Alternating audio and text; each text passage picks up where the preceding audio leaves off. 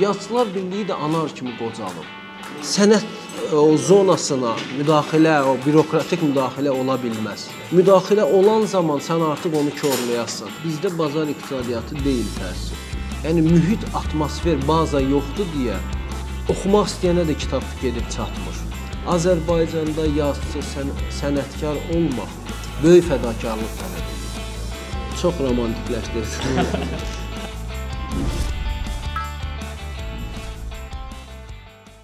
Yazıçıların sevmədiyi sualdan başlayaq da. Nə yazırsan? Xəbər yazıram ən çox. E, bu e, bir şey deyim sənə. Bu jurnalistikada onunla məşğulam son illər. E, daha çox o vaxt alır, enerji aparır. E, planımda yazacağım, yazmaq istədiyim əsərlər çoxdur əslində. O kiminsə sözüdür, bu yaxında oxudum. Deyir ki, insan təxminən belədir ki, o yatanda xəyallarla e, gecə xəyallar qurur. Səhər amma reallıqla qarşılaşır da, reallığı düşünür. Mən də gecə yatanda ağlıma bir bəlkə sənə deyim 10 romanın mövzusu gəlib, 2 pyesin mövzusu gəlib. Bunlar şişirtmə deyil, ha, həqiqətən gəlib Anlayıram, düşünürəm anlayıram, onu. Hə. hə. Amma səhər durursan, gerçəkliklə qarşılaşırsan, heç birini reallaşdıra bilmirsən. Ağlımda dediyim kimi roman var. Yaxşı e, mövzular var ki, onları işləmək istəyirəm, Elə- amma e, hələ ki reallaşdırmaq imkanı yoxdur. Elə o onu onu deyir, onun soruşacaqdım ki, bu yaxında sənə bir müsahibəvi oxudum. Ad gününlə bağlı Hə. müsahibə almışdılar. Orada bir məqam diqqətimi çəkdi. Elə başlığa da çıxartmışdılar. Demişdin ki, Kərbəla haqqında roman yazmaq istəyirəm. E, çox belə maraqlı məqamdır. Ona görə ki, mən dərhal bir sualım yarandı ki, sənə verim o sualı görəndə. Sual çox qısadır. Yəni soruşacağam ki, niyə məhz Kərbəla? Amma yəni kontekst, kontekstə qoymaq istəyirəm sualıma kimi ə, hamı aydın olsun. Niyə bu sualı sənə verirəm? Bizim modern ədəbiyyat sən də razılaşarsan ki, dünyəvi sekulyar ədəbiyyatdır. Bəli. 19-cu əsrdə formalaşmış. Axundov, Mirzə Cəlil Axundov Mirzə Cəlil. Ənvəri üzərindən. Və orada ə, açıq-aşkar ə, antiklerikal yazarları bir qırağa qoysaq, ümumiyyətlə baxırıq ki, bu ənənədə ə, din demək olar ki, yoxdur. Yəni dini mövzular, dini motivlər olsa da 7-ci, 8-ci, 6-cı planda Üstəgəl sonradan Sovet və Sovet, dövründəki həyat, Sovet həyatı, antidini bir antidini Mühit. mühit. Yəni bütün bunlarla, yəni hətta mən deyərdim ki, bu ənənəyə qarşı çıxış edən Həmid Herisçidə belə e, din e, butaforiyadır və yaxud e, dekorasiyadır. Yəni orada da dini motivlər, yəni bir öz müstəqim belə mənasında demək olar ki, e, azdır. Sən də e, mən sənin bir sonuncu kitabı oxumamışam, Alman malı hekayələr toplusunu. Qalan bütün əsərlərini oxumuşam.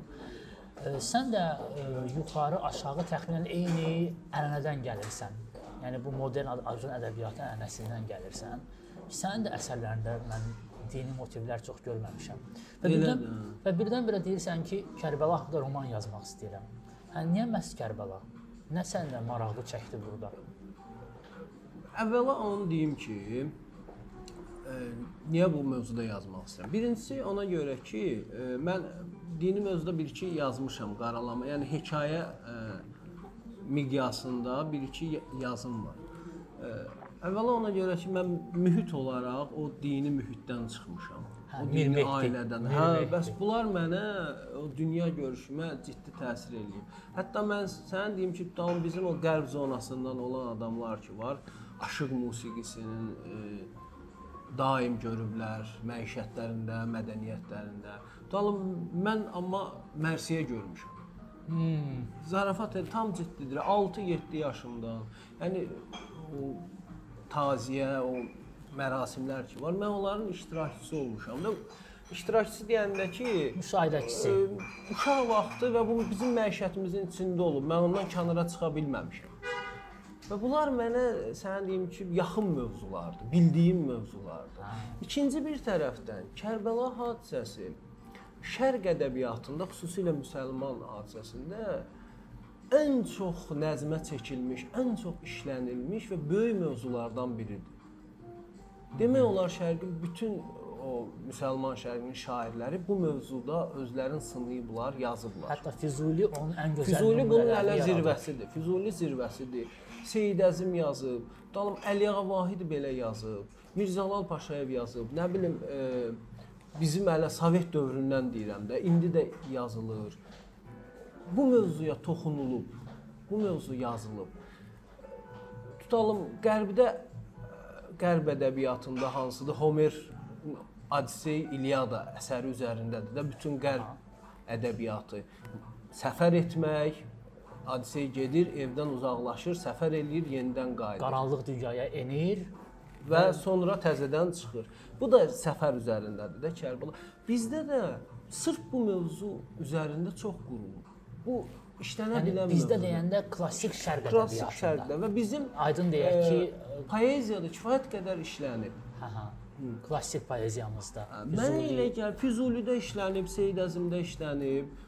Bir çox, bir çox. Yəni demək olar ki, hamının mərsiyəsi var. Özün orada sınıb. Sabirin mərsiyələri var, kifayət qədər də, yəni gözəl mərsiyələrdir. Oxunur da. Yəni mən sözümü o dini kontekstə gətirmək istəmirəm və əvvəla sənə deyim ki, mən e, özümü dindar da hesab eləmirəm. Yəni e, və dini əsər də yazmaq fikrin yoxdur, belə başa düşdüm. Qətiyyən mən oturub dini əsər, mən mənə o mövzu maraqlıdır. Hə, onu mən yazı prosesində gəlib e, tutalım Məhəmməd Füzuli mərtəbəsinə çıxacam, yoxsa Salman Rüşdü mərtəbəsinə, e, mövqeyinə.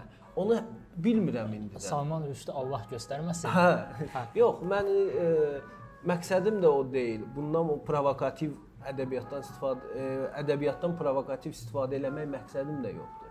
Sadəcə mən bilmirəm gəlib hansı orada nəticəyə çıxacam. Mənə dediyim ki, bu mövzu olaraq çox nəhəng. Mən istəyərdim ki, tam Thomas Mannın Yosif və qardaşları əsəri var. Sırf Bibliya mövzusudur. Faulknerin e, Avessalam Avessalam əsəri var. Başqa əsərlər İsa də var. haqqında. İsa Həzrət İsa haqqında kifayət qədər Həzrət İsa haqqında var. kifayət qədər əsərlər var. Yəni biz o ə, bayaq sən də toxundun. Bu Axundov, ə, Mirzə Cəlil ki, ə, təfəkkürü var, düşüncəsi var. Bizim o modern ədəbiyyatın əsasını təşkil edir. Mən ə, bir neçə dəfə özümə o sualı vermişəm ki, yaxşı biz həmən ə, prinsiplərlə biz indi müasir ə, nəsr nümunələrinə, ədəbiyyata yanaşanda necə olur? Misal üçün e, yenə Salman Rüşdüdən nümunə çəkirəm. Deyəsən o mənə pis nümunə olacaqdır da. Allah Hə, göstərməsin. Salman Rüşdüdün e, əsərlərində bu bizim xurafat, nə bilim, nə kimi bildiyimiz o detallar, bunlar hamısı ədəbiyyatın içinə hopub. Və ondan ədəbi detal kimi yararlanır və hətta bəzən o xurafata haqq qazandıra bilir. Tutalım e, Klon Şalimar əsərində bir falçı obraz var və onun dedikləri düz çıxır. O Yaxud ki, magik realizm elə özü. Magik realizm özü. Və s. bəli, biz ona O kəpənəklər səhnəsi var axıra yaxın məsələn, kifayət qədər mistik səhnələr. və başqa orada mistik e, məqamlar çoxdur da. Mistik magik nağıl var.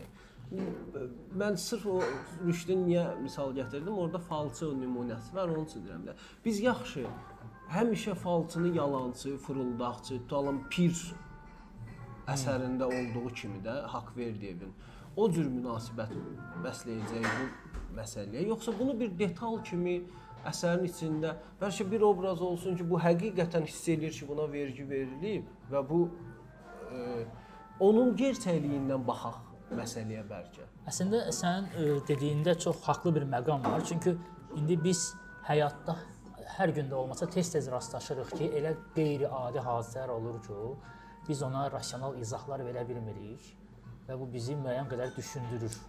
Və əgər ədəbiyyat da həyatın inikasıdırsa, orada həyatın ancaq rasional tərəflərinin öz əksini tapması belə kifayət qədər bir xətli inkişafdır da, belə deyək. Yəni bu bizim hə- Azərbaycanlıların həyatında o qədər qeyri-rasional əhvalatlar baş verir ki, bunlar sən ədəbiyyatda görsənmir. Görünsə də ancaq belə mənfi formada. Bəlkə sənin etirazın bunadır. Mən belə başa düşürəm. Mən əvvəla ə, sən bir şey deyim ki, biz o ə, mistik, paranormal o hadisələr falan dedik. Bunları ə, mən düşünürəm ki, bunların hər şeyin bir elmi izahı var. Hə, təbii əlbəttə. Buna elm ola bilsin indi cavab verə bilmir. Amma bizim də bir o hadisəyə baxmaq tərəfimiz var axı. Və sənə deyim ki, bu paranormal, bu ümumiyyətlə həyata e, mistik, bədii baxış elmi baxışdan daha maraqlıdır. Hı -hı. Razıyam sənə. daha cəlb edici və insanlar baxın, bax sən bir şey deyim də, istənilən bir hadisəni götürür, onun haqqında bir e, Elmlər Akademiyasının bir alimi çıxsın, iki kəlmə söz desin, fikir desin, quru e, terminlərlə terminlərlə o belə içinə hopdurulmuş belə bir şey deyəcək, heç birimizin marağını çəkməyəcək. Amma bir nəfər çıxıb onun üzərində bir əfsanə qurub, bir ona bir bədii don geyindirəcək, biz hamımız o əfsanənin ə, arxasıca düşəcək. Bax sənin bir dənə nümunə deyim də. Misal üçün kifal balıqların Xəzər dənizinə 20-ci illərdə ötən əsrin alimlər gətiriblər, nəsə hansısa təcrübə üçün atıblar, indi qalır orada. Amma heç kəsi bunun tutalım alimlər gətirdiyi maraqlandırmır. Bu heç kəsə maraqlı deyil. Alimlər ki, nə olsun gətirib. Amma bunu deyəndə ki, Hitler o vaxtı 2-ci Dünya müharibəsində işğal məqsədi ilə almanlar qəsdən kifalı töküblər ora. Ə burada uje konflikt var, dramatizm var. Bu hə. daha cəlb edicidir. Ədəbiyyatın məqsədi də budur. Mən o hadisələrə, yəni onun üçün deyirəm ki, bax bu kontekstdən yanaşa bilərik biz. Və sən özün dedin ki, sən özünü hazırlıqlı sayırsan belə mövzularda yazmağa. Çünki sən dedin ki, uşaqlıqdan ə, o mühitdə olmusan, onları görmüsən müşahidəçi kimi. Səncə ötəsindən gələ bilə- bilərsən, tutaq ki, yazmaq Yox, bu- istəsən. Sən e, yox, dəqiq indi o barədə heç nə deyə bilmərəm. Mən elə gəlir ki, vaxtın qalmır, bayaq dedin reallıq məsələsi. Hə, vaxt qalmır, doğrudan e, vaxt çox ciddi bu dəqiqə, yəni e, amildir. Hə bir şey də var ki, e, bir sözün birini qoyub o birinə keçirəm. Bir şey də var ki, o belə məsəl var. Düzdür, çox belə idealist bir şeydir ki, yazmaq istəyən hər yerdə yazar. Bu e, bununla mən Gerçəkçi misal deyil. Gerçəkçi misal. Gerçəkçi də deyil. Bununla mən hardasa razıyam da, hardasa razı da deyiləm. Çünki sən əgər dünyanı bədii formada görürsənsə, yaradıcılıq zaten dünyanı bədii formada gör görmək deməkdir. Sən bu bədii formanı istənilən bir şeydə büruzə verə bilirsən. Tutal mən dünən Facebookda bir status yazmışam. Bir neçə nəfər də girib yazıb ki, "Ya bu əsl hekayədir ki." Hə mənim üçün mən onu elə hekayə olduğu üçün yazmışam, hadisə olduğu üçün yazmamışam. Mən onu hiss elədim ki, bədii formaya sala bildim. Hə. Onun üçün mənim üçün bu da yaradıcılıqdır. Biz nümunələr var ki, biz e, indi xatırlaya bilmirəm, amma konkret dünya ədəbiyyatından nümunələr var ki, adamlar aforizmləri ilə qalıblar yadda, amma onların xeyli romanları var. Hmm. Hə. Və ya roman yazıblar, amma bir hekayəsi ilə daha çox tanınır. Tutalım Paustovskinin nə qədər əsərləri vardı, amma daha çox teleqramı ilə əsəri ilə yadda qalıb. Halbuki bəlkə teleqram əsərin kiminsə sifarişi ilə heç belə bir oturuma yazıb durub ona heç ciddi nəsr nümunəsi kimi baxmayıb bəlkə Paustovski. Amma yəni deməyim odur ki, o yazıcı o hər cür çətinlikdə yazar fikri bu mənada haqlıdır. Amma sən geniş roman fikirləşirsənsə, böyük əsər fikirləşirsənsə, bu e, elə kollektiv əmək kimi bir şeydir. Sadəcə hamısını bir adam görür onu. Araşdırmasını nəsr, aparır. nəsr çox ciddi zəhmət tələb eləyən bir şeydir. Xüsusən roman sənəti. Sən araşdırma aparmalısan bu mövzuda. İşləməli. Yəqin ki, mən indi bunu e, yaxın 10 ildə falan qismət olsa yazacağam. Ondan əvvəl yazmaq istədiyim başqa əsərlər var. Sadəcə elə bil bu sən dediyin ki, bu nəsr böyük zəhmət tələb eləyir. Məsələn, bizdə belə yanlış bir anlayış, an- qavramı, qavrayış var bizim gənc yazarlar arasında. Elə bilirlər ki, onlar oturub bir neçə gün dalbadal böyük bir roman yazacaqlar. Yazırlar, belə ürəkləri darıxır, yarımçıq qoyurlar və yaxud tez tələsik belə bitirirlər. Baxırsan ki, çox çiğdir də. Başa düşmürlər ki, məsələn, yazıçılar olub ki, oturub bir günə bir abzas yazıb, bir günə bir abzas yazıb. Və bizdə də onun üçün açıq danışsaq şərait yoxdur. Çünki normalda baxırıq dünyada normal ədəbiyyat sferası olan ölkələrdə necədir vəziyyət? Yazıçıya qrant verirlər, gedir 1 il, 2 il ancaq öz əsərini yazır. Rez residence deyirlər ona. Yəni heç bizə tərcüməsi də yoxdur sözün. iqamətgah deyə bilərik də yəqin. Ezamiyyət kimi də, yəni ki, hə, hə, göndərirlər get. Bir dənə dağda, dərədə, nə bilim, dağın başında, meşənin içində sənə bir dənə yer verirlər. Deyirsən orada oturursan, nə bilim, qışda sobada, yayda nə bilim, e, Çox romantikləşdirdi. Hə, Əslində məsələn mən baxıram ə, indi ə, deməli elə vaxt misal kimi sənə deyim, o gün tə- təsadüfən gördüm. İsveçrədə bir rezidens tikiblər yazıçılar üçün Yan Mikhailski fondu. Baxdım Lütserində dağın döşündə bir gözəl bir yerdə, müasir üslubda bir dənə deməli yerdir. Yaxşı stipendiyası da var. İstəsən min maşına düş şəhərə, Lüserna böyründədir. İstəmirsənsə otur orada, pə- pəncərədən nə qədər hara istəyirsən, bax hər yer dağ, dərə, meşə. Belə yerdə belə bunu onlar bilərəkdən eləmir, bil- bilmərəkdən eləmirlər. Yəni bu bilərək bilə- bilərəkdən olmuş bir siyasətdir ki, yazıçı rahatlasın, otursun işini yazsın. Bizdə çox təəssüf ki, yəqin razılaşarsan mənə ilə ki, Razılaşmamalı bir şey yoxdur. Bir də ki, əziyyətə də qatlaşırsan, nəticəsi yoxdur yəni. Yəni tutaq ki, sən əziyyətə qatlaşırsan, deyirsən ki, yaxşı mən şənbə bazar günü axşam yazaram, nə bilim, az yalavaz gəzərəm.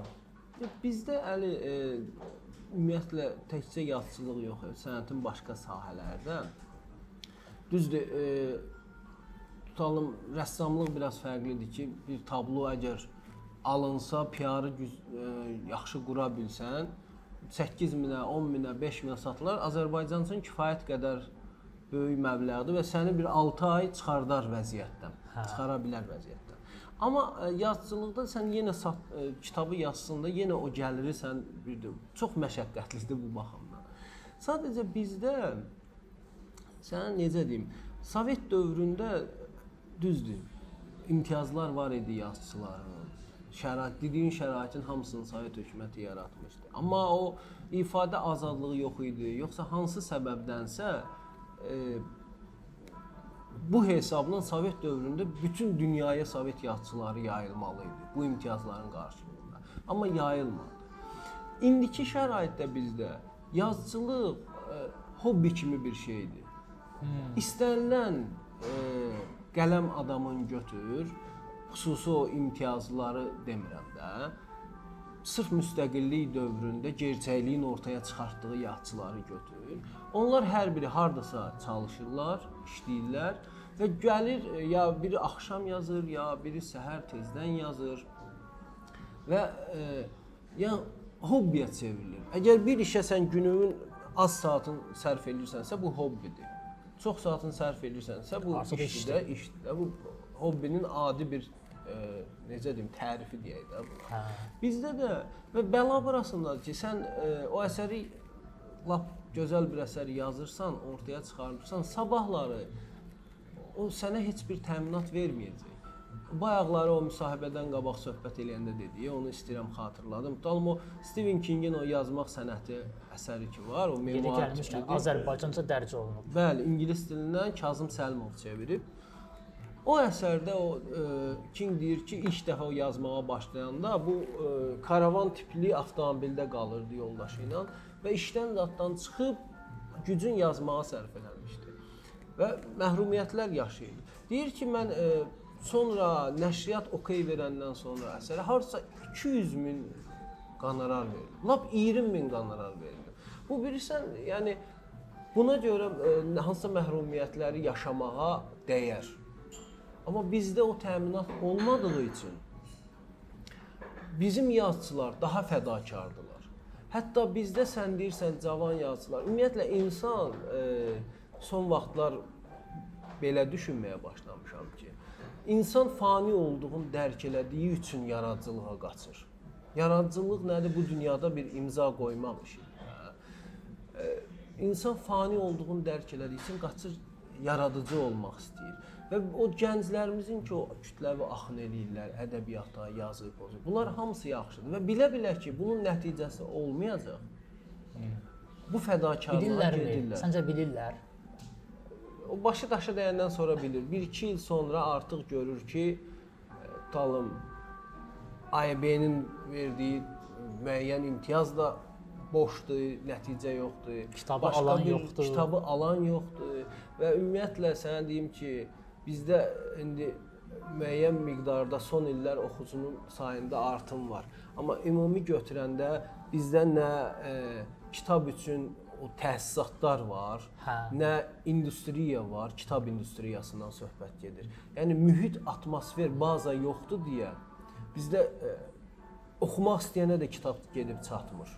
Elə bax o təsisat məsələsi çox ciddidir. Ə, səndən qabaq mən Hacı Səfərovla söhbət edirdim, kino ilə bağlı danışırdıq. Ən böyük problemlərdən biri təsisatdır. Təsisatların işləməməsi, institutların işləməməsi. Eyni cürdə bu yazıçılıqda. Yəni çox uzağa getməyək, elə Gürcüstana gedək. Mən orada Gürcüstan mənim yaralı yerimdir. Mənim də yaralı yerimdir.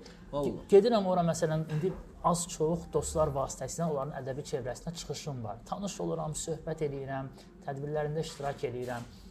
Təsəvvür et, deməli 20 yaşlarını təzə haqlamış yazıçıları, şairləri, cavan uşaqları da, yəni bizim standartımızdan təbii ki, cavanları artıq professional tərcüm tərcüməçilər bunların bir neçə əsərini ingilisə, fransa, almana tərcümə edib.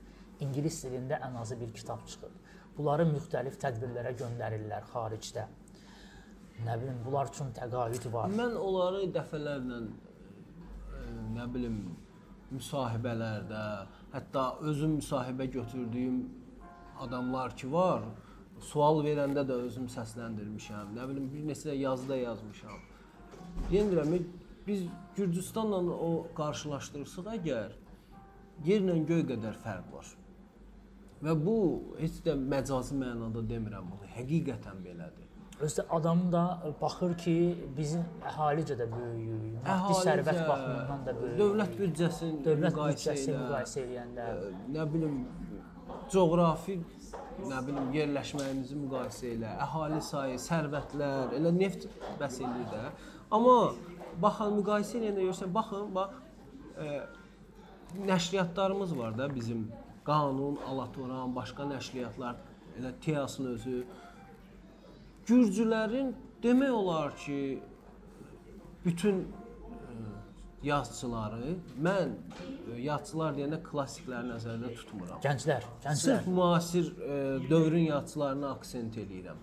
Bizim dövrümüzə. Demək olar əksər yazıçıları Azərbaycan dilinə çap olunub. Azərbaycan dilinə tərcümə olunub. Yeri gəlmişəm, bu yaxınlarda da Laşa Buğadzənin Kiçik Ölkə kitabı çıxdı.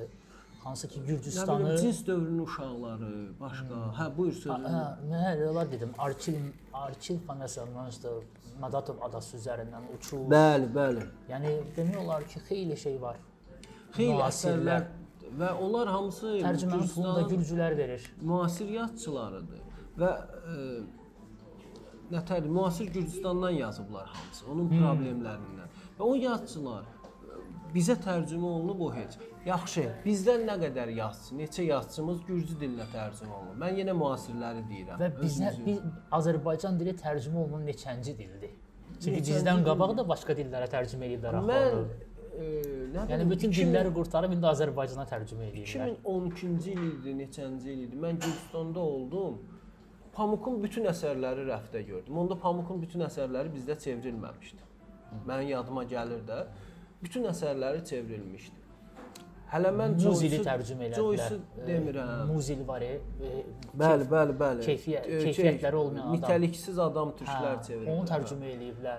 Hətta Salman Rüşdinin adı indi çox çəkildi. Onu tərcümə eləyiblər o romanı. bizdə Folknerdən ə, Tehran Vəliyev səhv eləmirəmsə rəhmətlik çevirmişdi ingilis dilindən Avqust işığı. O da dövlət sərəncamı ilə çıxan nəşrdə, prezidentin orada çıxıb da. Başqa heç bir əsəri onu tutalım Haykü və Hiddət ən belə məşhur əsərlərindən sayılır. Başqa əsərləri tərcümə olunmayıb. İndi mən bu tərcümə məsələsini qoyuram kənara. Bizimkilər tərcümə olunur. Özümüz tərcümə olunur. Bizimkilər Gürcüstana tərcümə olunmayıb. İndi mən e, o deyirəm, mən yaralı. Hər dəfə o keçən dəfə də Seymur Vaycan mənə bir link atmışdı. Gürcüstanda Saba mükafatı. Dedim, "Ay, e, mənə bu linkləri atıb halımı pərişan eləmə. qıcıqlandırma. O ötən dəfə bir 2-3 ayın söhbətdir. Gürcü saytlarının birində bir yazıçıya rast gəldim. Mən tanımırdım. Nina Xarataşvili. Məndən bir Hə, yaş Almaniyada, idi. Almaniyada mükafat alan, hə. Almaniyada əsərləri oynanılır. Rus dilinə çap olunub. Adam Rusiyada kifayət qədər tanınır. E, Türkiyədə kitabı çap olunub. Və bu e, kitab Tamam Türkiyədə çıxan kitab. Hər hansı bir siyahıya qalçıqa qoymaq üçün, quş qoymaq üçün çap olunmayıb ki, bu il filan yerdə çap olundu. Ciddi bir nəşriyyat çap edib və mən o kitabı tutan sifariş vermək istədim. Hmm, ambarda yox idi. Dedilər ki, kitab satılıb. Görsənmi? Yəni mən mənə bircə nümunəni dedim. Bizim yazıçılar ora çıxa bilmirlər. Bunun da müəyyən səbəbləri var. İstəyirsən sənə izah edeyim. Buyur, Deyim. buyur. Səbəbin biri odur ki, ə, lap birinci olaraq özümüzü tənqid eləmək istəyirəm ki, bizim yazıçıların dil bilgiləri məhduddur. Dünya görüşümüz çox məhduddur. Biz modern dünya ilə ayaqlaşa bilmirik. Modern dünyada sənin dil bilgilərin olmalıdır. Seymur da onu deyirdi ki, bizə- hansı gürcü yazıçısına baxırsan, ya almanı bilir, ya fransızı bilir, ya ingilis onsuz hamısı bilir. İngilisi bilir. Biz xarici dil öyrənməliyik. Ən azı bir ingilis dilini bilməliyik. Lap belə pisi rus dilini bilməliyik ki, biz rus mühitinə heç olmaya çıxa Hətta bilək. gürcülərin bir müasir yazıçısı var, Karumidze, ingiliscə yazmağa başlayıb Bəli. və ingiliscə yazıb xaricdə çap olunur. Mən misal üçün arada kursa falan gedirəm ingilis dilini. Heç hər şeyi qoyuram kənara. Bir xarici bir nəşriyyatla, bir festivalla danışmaq üçün sən yenə ingilis dilində heç olmaya adi məktub yazmağı bacarırsan. Hə. Bizim bax e, bu bacarığımız yoxdur. Bu bizim birinci öz bizim yazıçıların naqis cəhəti deyilmi, mənfi cəhəti deyilmi? Bu bizim mənfi cəhətimizdir. Biz bunu bilmirik. Və təbii ki, anlamalıyıq ki, Sovet dövrü artıq geridə qalıb. Bax o üzün o aybəyə tutan o adamlar ki var. Və onlar anlamalıdılar ki, Sovet dövrü artıq geridə qalıb. Ta yazıçılara o cür imtiyazlar verilmir. Verməməlidir və bu absurd bir fikirdir. Və sən deyim praktikada da özün doğrultma. Sovet dövründə bir şeir kitabının puluna bir e, kitabına bir maşın alan adamlar var da qonorar o dərəcədə nəhəng qonorarlar idi. Bayaq da qonorarın Stephen Kingin qonorarının çoxluğundan belə bəhbəhlə danışdın. İndi bunu deyirsən ki, pisdir.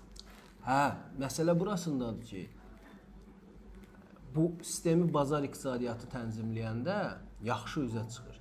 Amma bazar iqtisadiyyatı tənzimləməyəndə, öhdəlik, siyahı tənzimləyəndə o bir şeir kitabının puluna ə, maşın alan adamlar, onların içində yaxşı şairlər təbii ki var idi. Amma pis şairlər də var idi. Biz biz indi onların ə, adı yoxdur. Çünki dövlət tutalım dedi ki, bu il 20 şairin kitabı çıxmalıdır. Amma müstəqil nəşriyyat heç vaxt özünə o cür öhdəlik qoymur. O deyir ki, bu il bir şairin kitabı çıxsın, amma 100 min tirajla satılsın. Amma gəl mən səninlə burada razılaşmayım bir məqa məqamda. E, Sovet İttifaqının e, e, mədəniyyət, mədəni siyasətində bir məntiq var idi. Məntiq o idi ki, gəlin biz məsələn tutaq ki, bu il e, 50 rəssama pul verək, 50 rəssamın sərgisini eləyək. Onların aslında istedadsızlar çoxdur. Amma olsun. Çünki bu bir fon yaradır. Eyni cürdə yazıçılar, eyni cürdə şairlər, nə bilim, musiqiçilər, bəstəkarlar. Məqsəd fon yaratmaq idi, mədəni fon. Və bu fonda e, istedadlı adam dərhal seçiləcəkdi. Ona görə məsələn tutaq ki, Sovet İttifaqında tutaq ki, 50 rəssama ildə müxtəlif imtiyazlar verilirdi. Bilirdilər ki, onların içindən 3-4 nəfər imtiyazlı adam olacaq. Sabah bunlarla ümumi ittifaq səviyyəsində, sonra xaricdə təmsil olunacaq, əsərləri sərgilərə gedəcək. Eyni cürdə bu formada. Yəni e, məntiq bu idi ki, fon olsun və fonda biz istedadları ayıraq. Yəni o da Sovetin də özü məntiqi var idi, bazar iqtisadiyyatından fərqli. O məntiq indi dünyada alternativi olmayan bir institut da yaratmışdı da. Gorki adına ədəbiyyat institutu. Pis deyil əslində. Yəni Qətiyyən pis deyil, mən pisləmirəm onu. Hə. Amma dünyaya nə qədər yazıçı verdi? O hesabla ki, Sovet dövründə yazıçılara, sənət adamlarına bu qədər ə, vəsait ayrılırdı. Onda bütün dünya Sovet yazıçı şairlərinin, rəssamları ilə dolmalı idi. Amma bu proses olmalı da.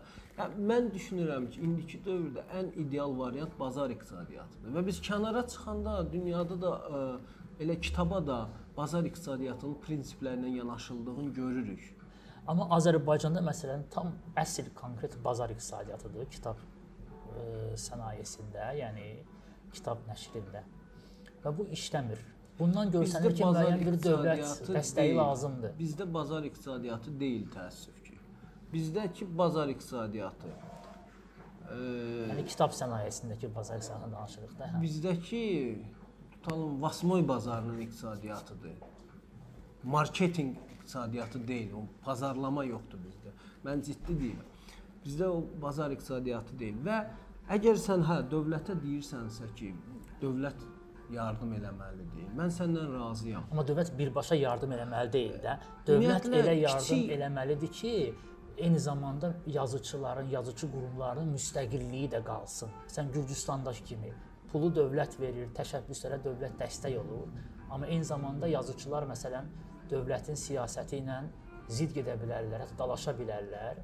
Bu onların bu münasibətlərində heç bir Təsir göstərməməlidir. Çünki günün sonunda Gürcü hökuməti də başa düşür ki, hər hansı bir Gürcü yazıçısı evdə məni söysə də xaricə çıxanda, məsələn, o Gürcüstanı təmsil edir, ölkəni təmsil edir. O birini qoyub e, birinə keçirəm. E, Zülfü Livanelinin bu yaxında o Sunay Haqqın var türk şairi. İkisi də belə o verilişə də baxırsan işıq saçırlar. Onların bir söhbətinə baxdım. Zülfü Livaneli deyir ki, bu yaxında e, o solçu olub da və Türkiyədə də qadağan olunub, mahnıları da, əsərləri də təqiblərlə e, üzləşib. Bir bu yaxında Rusiyada kitabın tə- təqdimatı idi və orada imza günü, sonra mətbuat konfransı. Mənə sual verdilər ki, bəs Türkiyə haqqında ə, siz müxalifsiz də nə deyə bilərsiniz? Mən onlara dedim ki, mən Türkiyə ə, mənim daxili işimdir. Mən onun haqqında indi burada sizə müxalif nəsə desəm, o mənim ölkəmə nə fayda verəcək? Hansı problemimi siz həll eləyəsiniz ölkəmi? Siz həll eləməyəsiniz axı. O problemi mən daxildə deyirəm ki, həllini tapsın. Sizin qarşınızda deməyin bir əhəmiyyəti yoxdur. Yəni bir sənət adamı əgər ölkədə müxalifsə, o xaricə çıxanda o daxili problemin daxildə qoyur, ölkəsini təmsil eləyir də.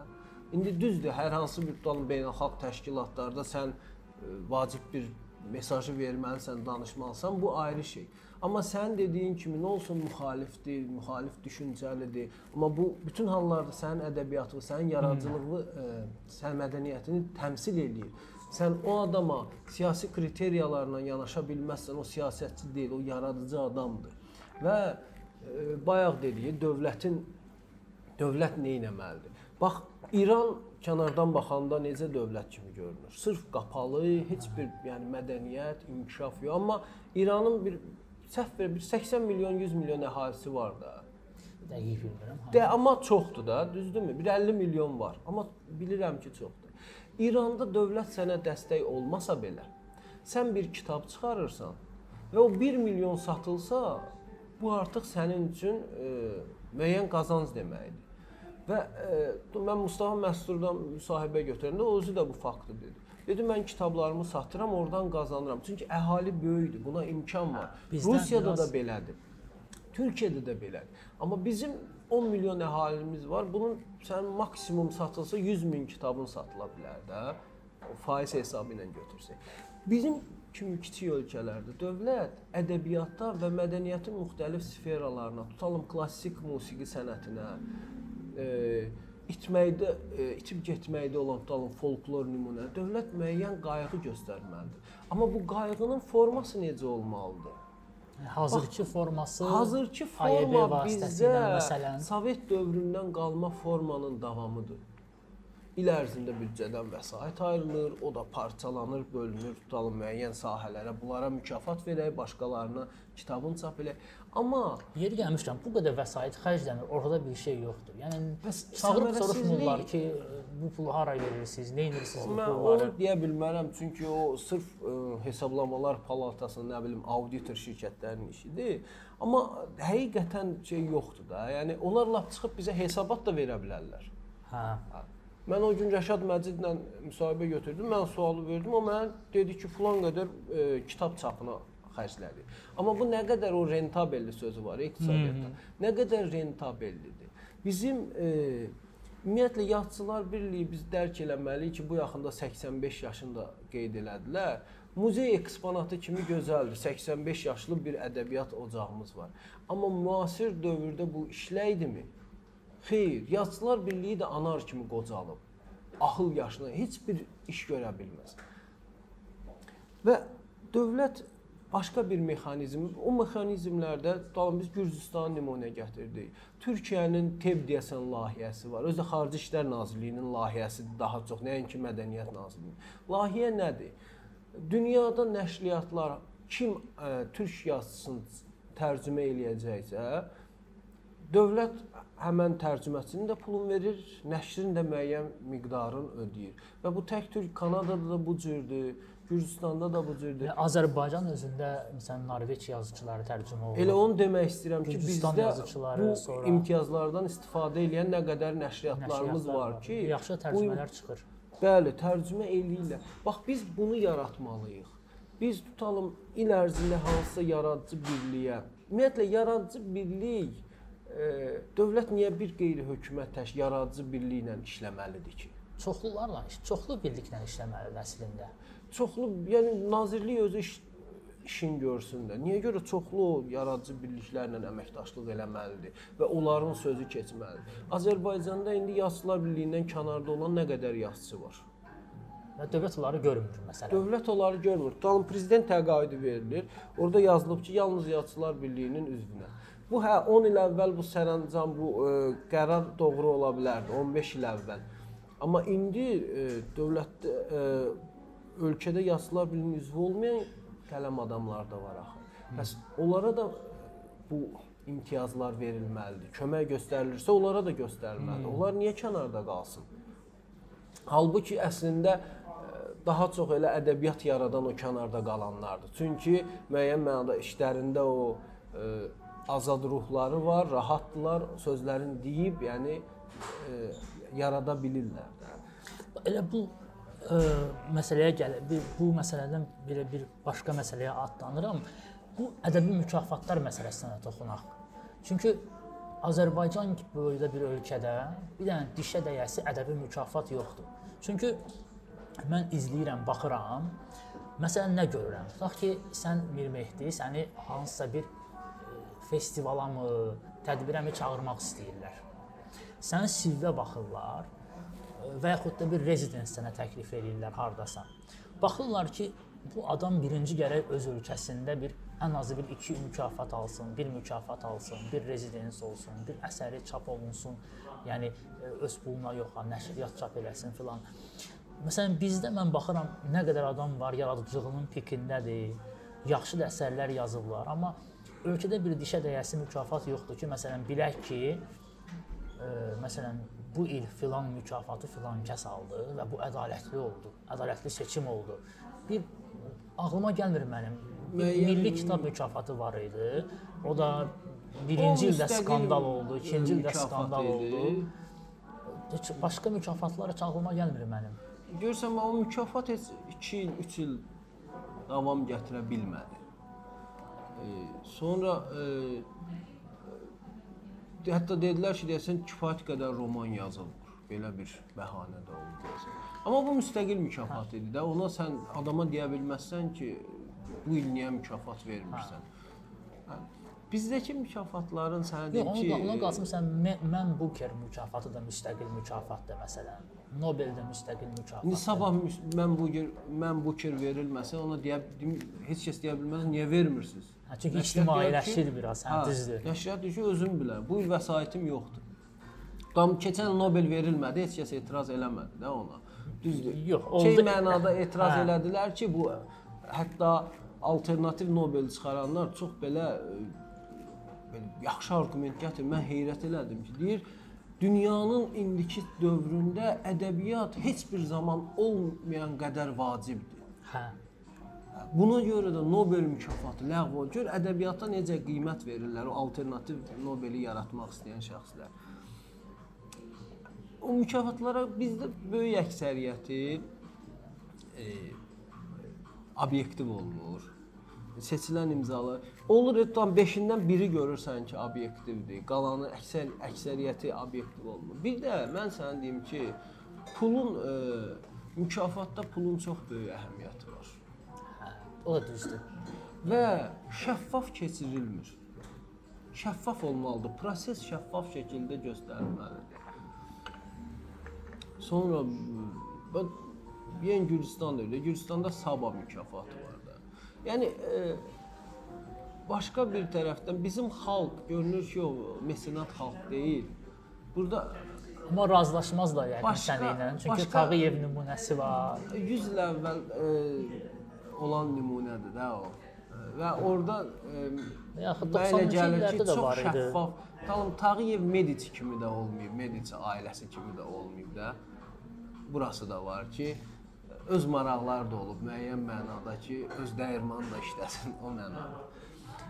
İkinci bir tərəfdən indiki şəraitdə talım sabah biri çıxsın mükafat heç kəs görünmək istəmir ki, mən e, bir mükafat təsis eləyərəm bir iş adamı. Ha, sabah deyərlər ki, Bunun sənin pulu pulun var. çoxdur. Vergi gələr, nə bilim, nə bağlayarlar belə bir şey. Yəni o mühit, o azadlıq mühiti ki olmadığına görə, o monopolist nəsə belə bir mühit olduğuna görə adamlar istəmirlər.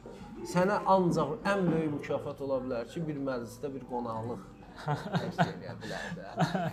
Bu bunu sırf yəni işləy bir şeyə çevirmək mexanizmi yoxdur.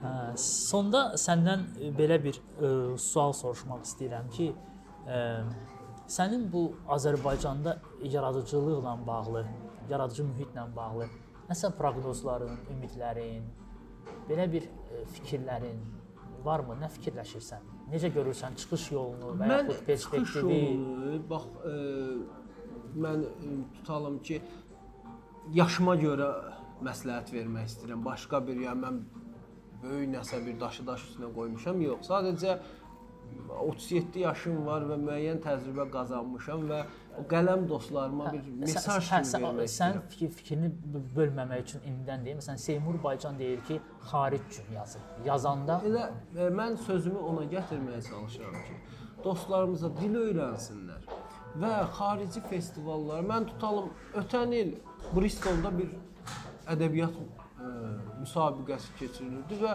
1000 funt deyəsən dəyərində belə pul da verirdilər. Ən 3-cü yerə səhv eləmirəmsə. Hətta xüsusi mükafat da var. Mən nə qədər istədim o mükafata qatılım, e, əlimdə ingilis dilinə çevrilmiş hekayəm artıq o İrandakı o müsabiqədə yer tutmuşdu deyə bunlar da çap olunmamış hekayə. Göndərə bilmədim. Dostumuz Ayxan Ayvaza dedim, onun ingilis dilində çap olunmuş hekayəsi var idi. Amma görünür ki, e, tərcümədə o bədiilik qorunmayıb. Çünki 1-2 gün əvvəl onu paylaşdı. İngilis dili mütəxəssisləri dedi ki, biraz quru alınır. Təəssüf ki, yer tutmadı, amma mən Ayxana dedim ki, sən göndər, göndərdi. Bax xaricdə çoxdur bu müsabiqələr. Və indi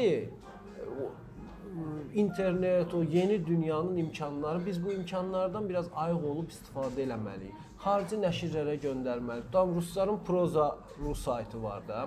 Qeydiyyatdan keçib hekayəvi ora qoyursan. Hə, in, e, Türkiyədə də var. Mən Türkiyədə də, Rusiyada da mənim hekayələrim belə çıxıb. Düzdür, heç bir maddi xeyri yoxdur, amma çıxıb da, bu da yaxşı. ən azı ad üçün lazımdır. Ad üçün lazımdır. Bax, e, gəlir çıxır ki, indi bizim yazıçılar bu e, yenə gəlib məişətə dolanışığa çıxır da. Bu yazıçı əsərini tərcümə elətdirmək üçün e, azı 100 manat, 200 manat mən elə hekayədən danışıram. Bu tərcüməçiyə pul verməlidir. Bunu nə qədər yazıçı bacarır? Belə 100 manat Tərcümə də bədii tərcümə olmalıdır. Bədii tərcümə olmalıdır. Mən ingilis dilini bilirəm, amma mən bədii tərcümə edə Səndən bilmirəm. sonra bir ona bir ingilis dilinin bir ədəbiyyatşünas, bir dilçi baxmalıdır ona. Məsləhət ki, bir yazar baxsın ona. Deməyim odur ki, bu özü bir problemdir. O əsərin tərcümə olunması məsələsidir. Bu da yenə gəlir çıxır yazıçıların Azərbaycanda e, imkanlarının məhdud olmasına, maddiyyatın önə çıxmasına. Bunun üçün də dediyim kimi dövlətin qayğısı olacaqsa, bu sırf modern, müasir mexanizmlər üzərində qurulmalıdır. Ən azı Gürcüstan nümunəsində. Və yazıçıların müstəqilliyinə toxunmamalıdır. Bu çox vacib şərtdir. Birinci amil odur. Birinci amil odur ki, yazıçı azad olmalıdır. Ümumiyyətlə o sənət e, dalım dövlət sifarişi ilə çəkilən filmlərdə və ya başqa sənət e, o zonasına müdaxilə, o bürokratik müdaxilə ola bilməz. Müdaxilə olan zaman sən artıq onu korlayasan. Zviaginsevin Leviathan filminə əgər bürokratik müdaxilə olsaydı, o film alınmayacaqdı, yer də tutmayacaqdı. Yəni o sənətkarın o azadlığına toxunmadan deyirəm. Mən yenə deyirəm, mən utanıram ki, tamam Gürc Türkiyədə Nina Xarataşvilinin əsəri çıxır Gürcü dilində. satılır, qutarır. Satılır, qurtarır və gözəl də əsərdir sənə deyim ki. Hələ oxumadan deyirəm, ha, onun o mövzusunu və kitab haqqında araşdırdım. Amma bizdən bu qədər yaxınıq Türkiyəyə, nə bilim, iki dövlət, bir millət deyirik. Çox mədəniyyətimiz ortaqdır. Üst-üstə düşən məqamlar həddindən artıq çoxdur. Biz o mədəniyyətə çıxa bilmirik. Bu biabırçı bir vəziyyətdir ki, biz ora addaya bilmirik. Bax, mən də e, ümid deyəndə ki, konkret bir ümidim yoxdur. Heç özümə qarşı belə ümidim yoxdur. Yenə deyirəm, o müsahibənin əvvəlində dedim, gecə yatanda xəyallarla qururam. Bu, bu xəyallar mənim içimə belə sərin su kimi səpilir. Öz-özümə artıq belə sanki elə bilirəm, misal üçün deyirəm də Nobel almışam. Öz-özüm böyüyürəm gözümdə ki, "A, bu əsəri belə yazsam belə, filan əsər, a, bu yaxşıdır, bunu işləyir. Hə bunu roman yox, pyes kimi yazaram. İçimdə bir dialoq olur da, yəqin hamıda olur. Amma bu gecə xəyaldır. Səhər durub gerçəkliklə üzləşirsən ki, səni artıq qapıda e, başqa bir xəbər gözləyir, başqa bir gerçəklik, başqa bir hadisə gözləyir. Bax, ona görə mən özümə qalsa o müsahibədə də dedim ki, mən özümə 40 yaşa qədər vaxt qoymuşam ki, 40 yaşa qədər özümü reallaşdırdım, reallaşdırdım. Reallaşdırmadımsa deməli qatar getdi. Və Amma- sənə sözümün əvvəlində üzr istəyirəm. Bayaq dediyim kimi Azərbaycanda yazıçı sən, sənətkar olmaq böyük fədakarlıq tələb edir. Mən demirəm, bu o demək deyil, bizə kimsə gətirib nəsə versin. O bir dəfə kimsə Şərait yaratsınlar. bir bir dəfə kimsə şey yazmışdı. Sənin əsəri oxumaq istəmirlər. Sənə yaz deyən var. Doğrudan da bizə yaz deyən yoxdur. Sən özün yazırsan. Amma kiməsə kartof ək deyən var. O da kartof istəyir, əkir də. Öz hərə bir cür özünü reallaşdırır. Və bu alış-veriş hər iki tərəfin xeyrinə getməlidir də. Amma mən elə ə, onunla bitirmək istəyirəm ki, sənin bu 40 yaşa qədər özümü reallaşdırdım, reallaşdırdım, yoxsa yox ə, dilem ə, dilemmamı deyim belə deyim. Bu əslində müəyyən qədər düz olmaya da bilər. Çünki dünya tarixində kifayət qədər ə, uğurlu yazıçılar var ki, məhz 40 yaşdan sonra, 50 yaşdan sonra özlərini reallaşdırıblar. Öz əsas əsərlərini yazıblar. Və ona görə də mənə gəlir ki, ümidlərim belə tez ölməyi və ondan vaz keçmək o qədər də düzgün deyil.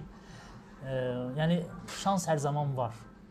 Və bilmək olmaz bəlkə sabahları e, elə bir şərait yarandı ki, sən bütün yaradıcılığını, potensialını ortaya qoydun.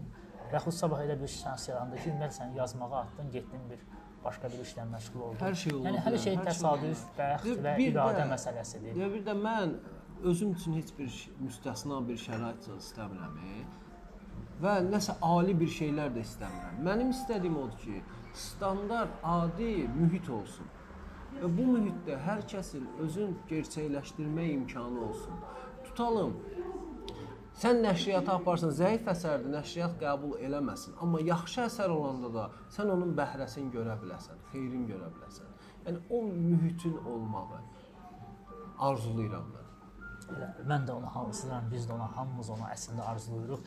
Çox sağ ol e, Mir Mehdi. Düzdür biraz belə pessimist tonlarda oldu, amma məncə e, həqiqət pessimist, optimist olmağın asılı olmayaraq həmişə söylənməlidir. Təşəkkür mən, eləyirəm. Mən təşəkkür eləyirəm dəvətiniz üçün. Çox sağ olun, minnətdaram. Sağ olun, çox sağ olun. Sağ olun.